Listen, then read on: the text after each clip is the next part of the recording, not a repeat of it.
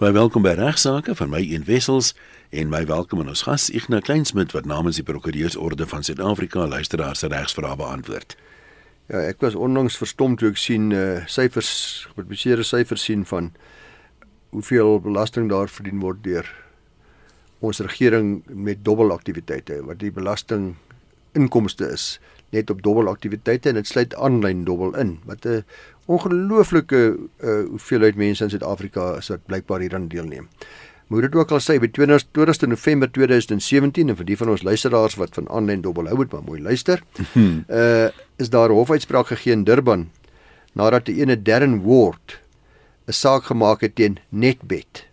Nou soos ek dit verstaan is Netbet 'n aanlyn dobbel engine wat in Suid-Afrika sake doen onder die naam van Sportingbet die feite was kortliks dat meneer Ward het op 8 perde gewed wat op 31 Oktober aan 8 verskillende wedrenne deelgeneem het. Sy weddenskap was vir R50 en het hy geweet dat al 8 hierdie perde sou wen. Ek weet nie wat noem jy dit nie, die dobbelaars se naam daarvoor dat hulle ja. as jy as jy sê al die perde gaan wen. So dan sit nou jy het 'n baie skraal kans om natuurlik reg te wees. Uh hy het net R50 geplaas dat hierdie perde in die topposisie sou eindig en ek dink as ek sê wen het 'n tweede wetenskap geplaas of onder die top 3 sal onder die eerste, tweede, derde plek die topposisie sal plaas. Dis 'n tweede R50. So hy het R100 spandeer die dag. Dit het gebleik dat die totale betaling wat aan 'n wenner betaal kon word was ongeveer 4,8 miljoen rand. As as hy reg sou wees met al 8 perde wat wen. En dis dan ook die bedrag wat meneer word geëis het vanaf Netbet uh nadat sy kaartjie gewen het en hulle aan hom slegs 1 miljoen rand uitbetaal het. So het al 8 daai perde toe gewen. Al 8 perde het gewen en hy is nou gelukkig, hy gaan 4,8 miljoen rand kry, maar hulle betaal toe vir hom net 1 miljoen rand en hulle weier om die balans te betaal en uh, hy gaan natuurlik hof toe hiermee. En regter Shiraz Desai, 'n bekende regter, het die uitspraak op 20 November 2017 gegee en daarop gewys dat die wetenskapstrokie baie duidelik aantoon dat uitbetalings nie onbeperk is nie en dat daar perke is op uitbetalings. Aan die ander woorde, ja, is 'n maksimum mm -hmm. op uitbetalings by Netbet. Die webwerf wys dan ook duidelik as jy die webwerf gaan lees dat hierdie perk by hierdie spesifieke uh wedren groep uh is daar is dan net 1 miljoen rand. Dit blyk dat mense wat aansluit by Sportingbet moet op die webwerf dan ook instem dat hulle kennis neem van al hierdie terme en voorwaardes, met ander woorde dat hulle instem tot die voorwaardes op die webwerf en hulle sluit dan duidelik, daar staan dan duidelik op die webwerf dat daar 'n maksimum bedrag is wat 'n kliënt op een dag kan wen, naamlik 1 miljoen rand. Meer woordse argument uh, aan die ander kant was dat die strokie wat die bedrag van 4,8 miljoen rand as 'n betaling aandui, as 'n maksimum betaling aandui of as 'n moontlike betaling liewers aandui, hierdie webwerf voorwaarde oorheers dat dit sterker is want hier koop ek nou 'n strook hier staan. Hmm. Uh, jy kan tot 4,8 miljoen, dis die moontlike uitbetaling wat hier kan plaasvind. As jy dit sterker as die webwerf. Uh, en dit dis misleidend is, is ook onprofessioneel sê uh om daarna te kom sê dat jy in die webwerf webwerf se voorwaarde gebonde is uh terwyl jy die indruk geskep is uh in die wetenskapkaartjie dat jy nie daaraan gebonde is nie of die afleiding wat jy kan maak daaruit. Die regter bepaal dat die wedder moes geweet het dat by uitbetaling soos op die kaartjie aangedui onderhewig is aan die perke soos op die strokie aangetoon en soos op die webwerf verduidelik. Dit blyk ook dat meneer Ward gereelde wetenskappe aangegaan het. Hy was 'n gereelde wedder op hierdie spesifieke webwerf en dat hy dus waarskynlik bewus moes wees van die perk wat op uitbetalings was. Die regter is tevrede dat die webwerf genoeg redelike stappe gedoen het om alle kliënte in te lig oor die beperkende voorwaardes wanneer hulle aanteken en wanneer hulle ook op hierdie webwerf dobbel. Elke keer moet jy word jy weer verwys na die na die voorwaardes. Meer word moes dus maar tevrede wees met sy 1 miljoen rand aangesien sy eis vir die balans van die hand gewys is met kostes. En natuurlik uh, sy geval dit is nou nie in die hof gesê nie, maar dit spreek van self is hierdie 1 miljoen rand natuurlik dramaties verminder met die kostes, die prokureurskostes, nie regskostes van die ander partye is ook sy eie kostes, want hy het met kostes verloor. Ek het nogal simpatie met hom in die sin ja. dat nou vra mens jouself af hoekom stem die twee bedrade nie oor een op die webwerf en op die kaartjie nie. Ek sou graag wil hoor onder watter omstandighede dan die 4 miljoen uitbetaal word of waar kom dit daaraan? Wel, ek kan myself dink dat daar as daar 5 wenners sou wees, dan sou elkeen waarskynlik 'n miljoen rand gekry het, maar ek kan nie 4.8 want wat hulle sê is die totale bedrag wat uitbetaal kan word is Oh. 4.8 miljoen rand. Nie net aan 'n individu maar, nie, maar, maar vir- verder een een persoon kan nie meer as 1 miljoen rand. Ek sien, ek sien wat jy bedoel. Dis hoe ek Ja, dis soos die lotte, dan deel ons nou maar. dan deel ons almal. Alhoewel, jy weet vir R50 se belegging is 'n miljoen glad nie slegte odds nie. nie sleg nie. Uh ek het 'n skrywe ontvang van Andre Bester.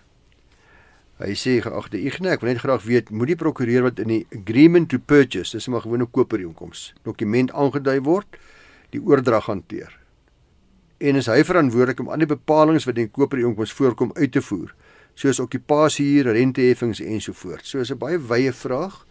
Uh ek weet nie wat sy probleem regtig was nie, maar hy is waarskynlik ongelukkig met 'n uh, optrede van een of ander prokureur. Ek het vir Volker Kreer daar by van Velden Duffy wat op hierdie gebied spesialiseer gevra vir antwoord en hy antwoord vir Andre as volg. Hy sê die algemene beginsel is myns insiens dat die transportprokureur se plig is om toe te sien om te sorg dat al die bepalinge wat volgens die kontrak voor die registrasie van die oordrag nagekom word, uitgevoer is voordat oordrag in die akte kantoor geregistreer word. Die belangrikste is natuurlik die versekering van die betaling van die koopprys. So Volker sê ja, die transportprokureur wat aangewys is, het besondere pligte. Eerstens, die versekering van die betaling van die koopprys. As die koopprys dus met registrasie betaalbaar is, wat normaalweg die geval is, moet die transportprokureur seker maak dat daar fondse beskikbaar gaan wees vir die betaling van die volle koopprys vanaf die datum op die datum van registrasie van transport.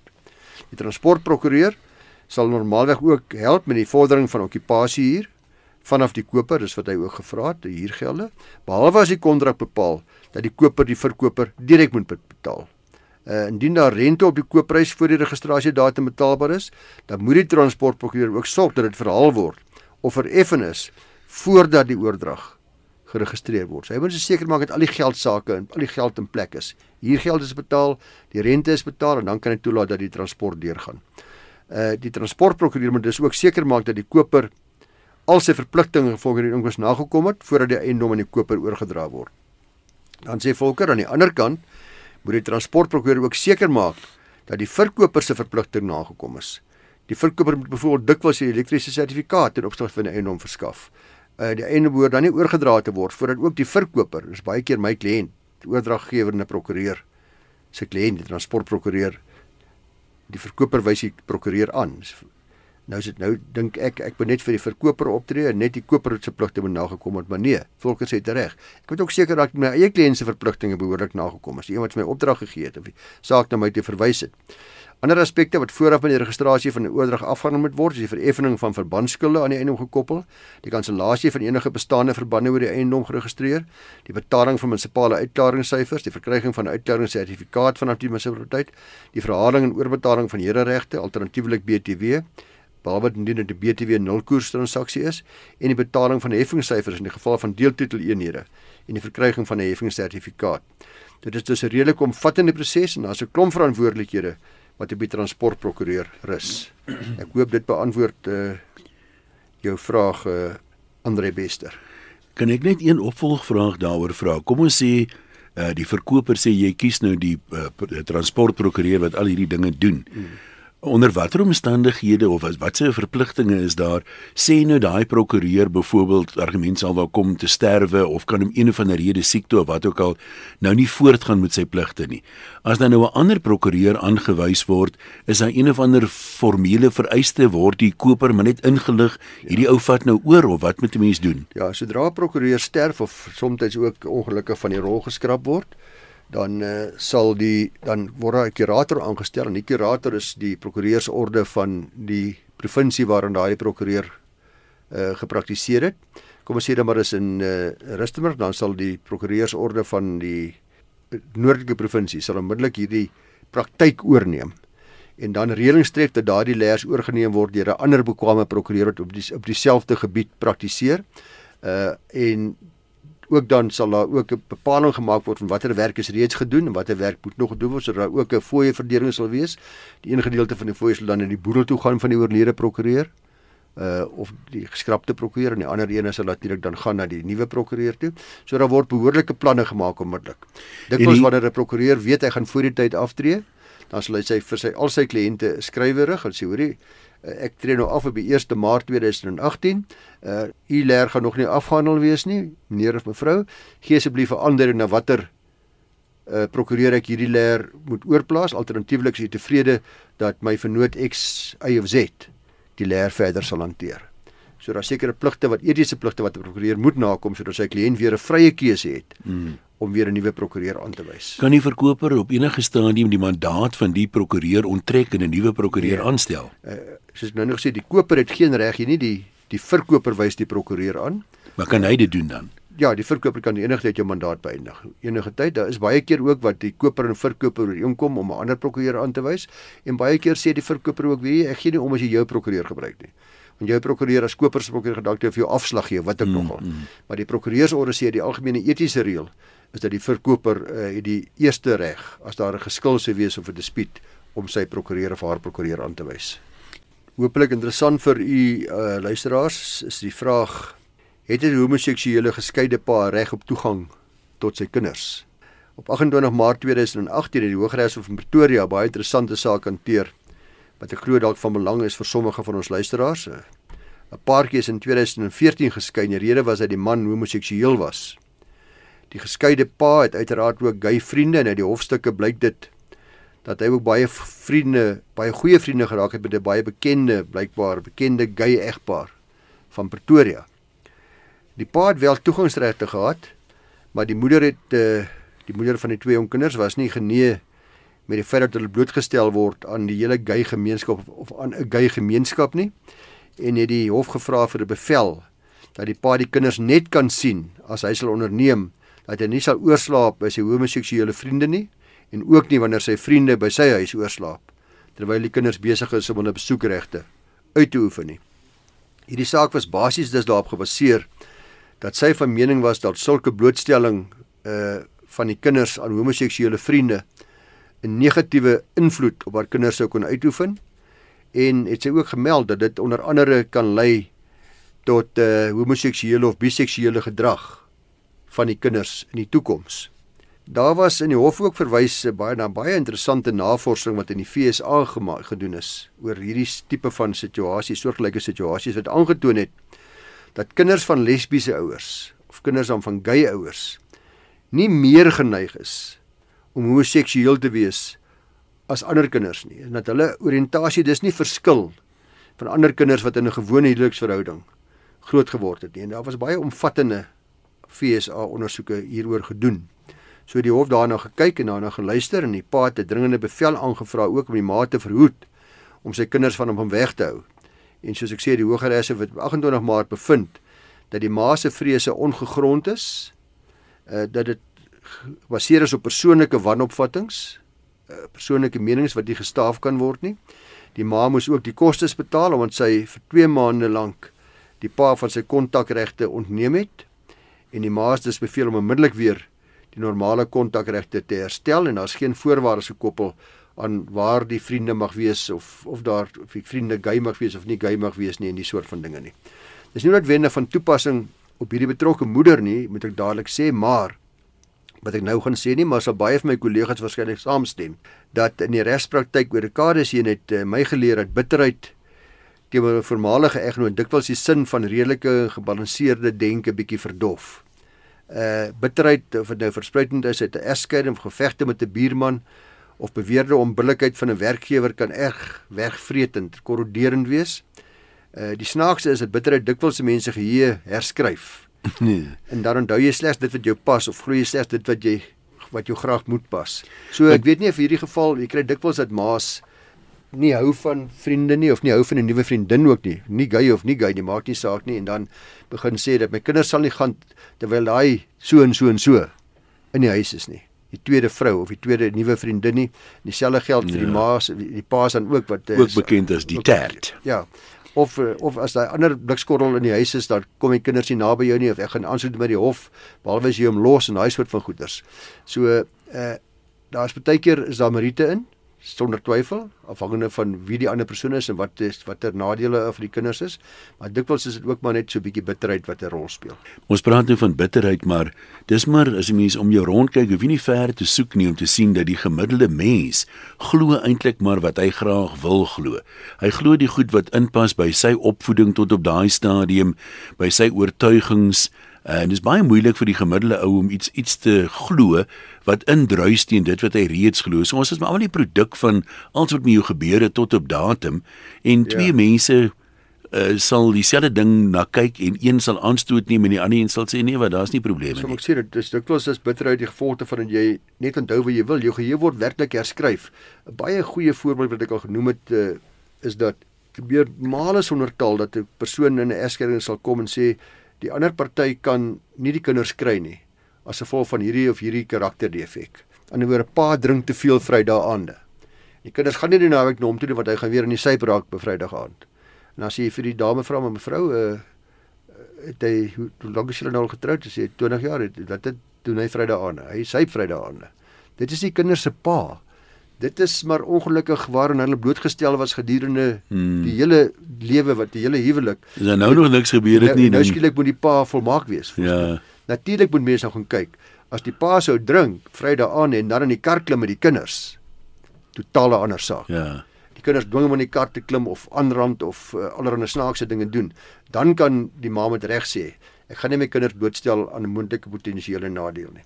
Maar in hierdie geval uh wat ons nou net bespreek het, sê die hof waar dit suiwer is 'n kwessie van ek kan my vriende kies soos en wat my seksuele oriëntasie dit vereis, het dit met die ander party niks te doen nie en omdat daar geen nadeel potensiële nadeel hier raak bewys is nie. Nou maar reg, wat het ons uh, nog op die op die rol vandag? Artikel in 'n nuusbrief eh, van 'n prokureursfirma wat my aandag getrek en hoop ek dit gaan interessant wees vir baie van ons luisteraars. Dis die nuusbrief van DDKK uh, bekende prokureursfirma. Hulle vra die vraag of 'n testamentêre trust later verander kan word. 'n uh, Kliënt het gemeld dat hy en sy vrou graag 'n testamentêre trust in 'n testament wil skep om te sorg vir hulle minderjarige kinders wat baie mense doen, maar dat hulle bekommerd is dat dit te onbuigsaam gaan wees en dat dit nie aangepas sal kan word by hulle kinders se wisselende omstandighede wat hulle voorsien in die toekoms kan plaasvind nie. Hulle vra nou of die trust dan se nale afsterwe gewysig kan word of wat of daai dokument staties gaan bly uh, eh, DDKK wys daarop dat 'n testamentêre trust of 'n trust mortis causa word tot stand gebring in 'n testament en tree in werking met die afsterwe van die testateur of die testatrice. Hierdie trust word tipies gebruik om die belange te beskerm van minderjariges of afhanklikes wat nie in staat is om hulle self te sorg nie. Die bates word dan geskuif na hierdie trust en word namens die begunstigdes geadministreer deur die trustees. Testamentêre trust verstryk dan dikwels op 'n vooraf bepaalde tyd of by gebeurtenis byvoorbeeld ag baie keer wanneer die begunstigdes 'n sekere ouderdom bereik. Die kinders, die jongste een 25 jaar oud word, dan word die geld verdeel. Die algemene reël is dat uh, die terme van 'n testamentêre trust nie sou nie gewysig kan word nie. Want die Wet op beheer van trustgoed, Wet 57 van 88, verleen uh aan ons howe wel die mag om 'n trustakte te wysig aan die howe. Die mag om 'n trustakte te wysig, byvoorbeeld waar 'n bepaling gevolge meebring wat dat die hof se mening nie deur die stigter van die trust oorweeg of voorsien was nie. Wat die stigter se bedoeling belemmer of die belang van die begunstigdes benadeel of indien dit in konflik is met openbare belang.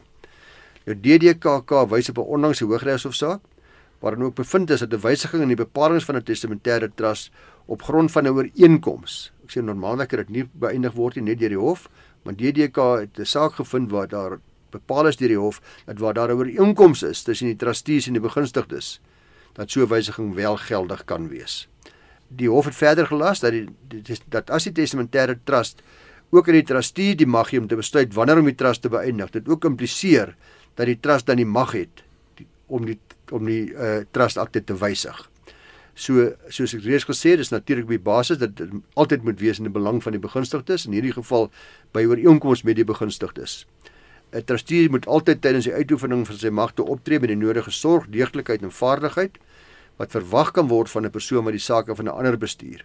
So luisteraars as 'n trustee dus besluit om die bepalinge van 'n trust te wysig, sal hy dit moet doen in lyn uh, met die wetgewing wat ek reeds genoem het en ook die reëls soos reeds deur my uitgespel en deur die hof aangetoon.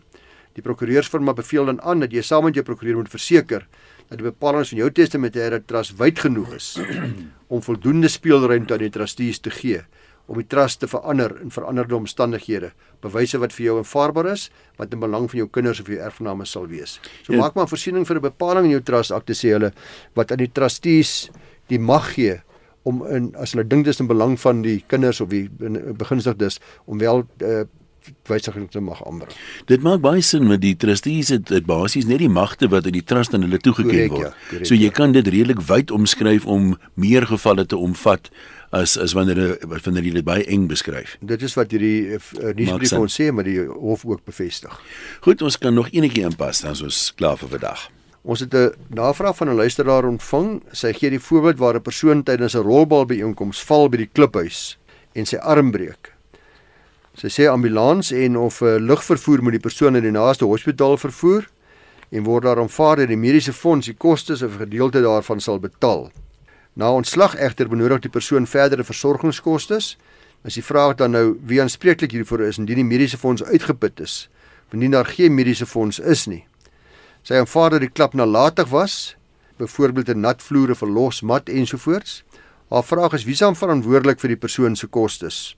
Ek het vir Martin Besuidnout, 'n persoon wat oor uh, hierdie soort van persoonlike beserings spesialiseer, gevra om vir my te antwoord en hy sê indien die rolbal klap oor geen versekerings beskik ten opsigte van sulke voorvalle nie, dit ongelukkig so dat die rolbal klap persoonlik aanspreeklik gehou kan word vir die persoon se mediese kostes, verlies aan inkomste en algemene skadevergoeding, pynlyding ensovoorts. Dit is natuurlik selfs sê indien daar 'n sogenaamde disclaimer aangebring was by die klaphuis want uh, jy sal sien baie klaphuise het sulke disclaimers op. Dis nou waar ons sê ons neem geen verantwoordelikheid en vaar geen hmm. risiko nie ensovoorts sal die klap steeds aanspreeklik gehou kan word indien daar grove nalatigheid bewys kan word. Dis nou die vloer was nat en was nie of die vloer was glad of daar was uh, trappies wat nie behoorlik aangedui was nie of so, en wat ook nog al die geval mag wees. Elke geval sal op eie meriete beoordeel word. Maar dis gevolglik wenslik sê Martin dat die betrokke klap sal seker maak dat daar voldoende versekerings in plek gestel word vir hierdie gebeurlikhede en natuurlik ook om te verseker dat uh, daar nie enigstens gevaar is vir enige gebruikers van hulle klaphuis nie. So ek hoop dit beantwoord die luisteraar se navraag. Dankie Ignas, dit laat ons dan met net genoeg tyd om uh, weer vir luisteraars te sê hoe dit te werk kan gaan as hulle vrae wil stuur vir beantwoording op regsaake. Hou eerstens in gedagte dat uh, ons is 'n nasionale radiostasie, so dis net nie moontlik vir Ignas om landwyd betrokke te raak by mense se persoonlike regstespiete nie. Baie mense verwag dit, maar dis ongelukkig net nie haalbaar nie. So ons gebruik wel jou vraag om die publiek oor die algemeen te bemagtig oor daai onderwerp en nou ook maar 'n gedagte dat dikwels omdat ons programme vooruit opneem dit 'n maand of 2, 3 kan neem voordat ons by jou vraag uitkom. Stuur jou vraag direk vir Igna by igna@ffd.co.za. igna@ffd.co.za en dan kan jy ook na die potgoeie van die programme luister as jy een gemis het. Dis op die webwerf rsg.co.za. Gaan na die webwerf toe klik bo in die bladsy op potgoeie, dan tik jy regsaake in as sleutelwoord en jy soek en dan sal al die programme daar wees, so jy kan weer na die klank luister, jy kan dit aflaai op jou rekenaar as jy wil en daar's ook 'n kort opsomming by oor die inhoud van elke program. So dikwels mense weet nooit wanneer jy die inligting nodig kry nie. Ek weet van mense wat vir my skryf en sê hulle maak dit 'n weeklikse instelling om te luister na van die programme en dan maak hulle notas as hulle dink dis iets wat dalk op hulle van toepassing is. Nogmaals baie dankie aan almal wat vra instuur. Baie dankie aan die prokureursorde vir die program moontlik maak en natuurlik baie dankie aan Ignas wat namens hulle die vrae beantwoord. Dankie Jan, sterkte en groete aan almal.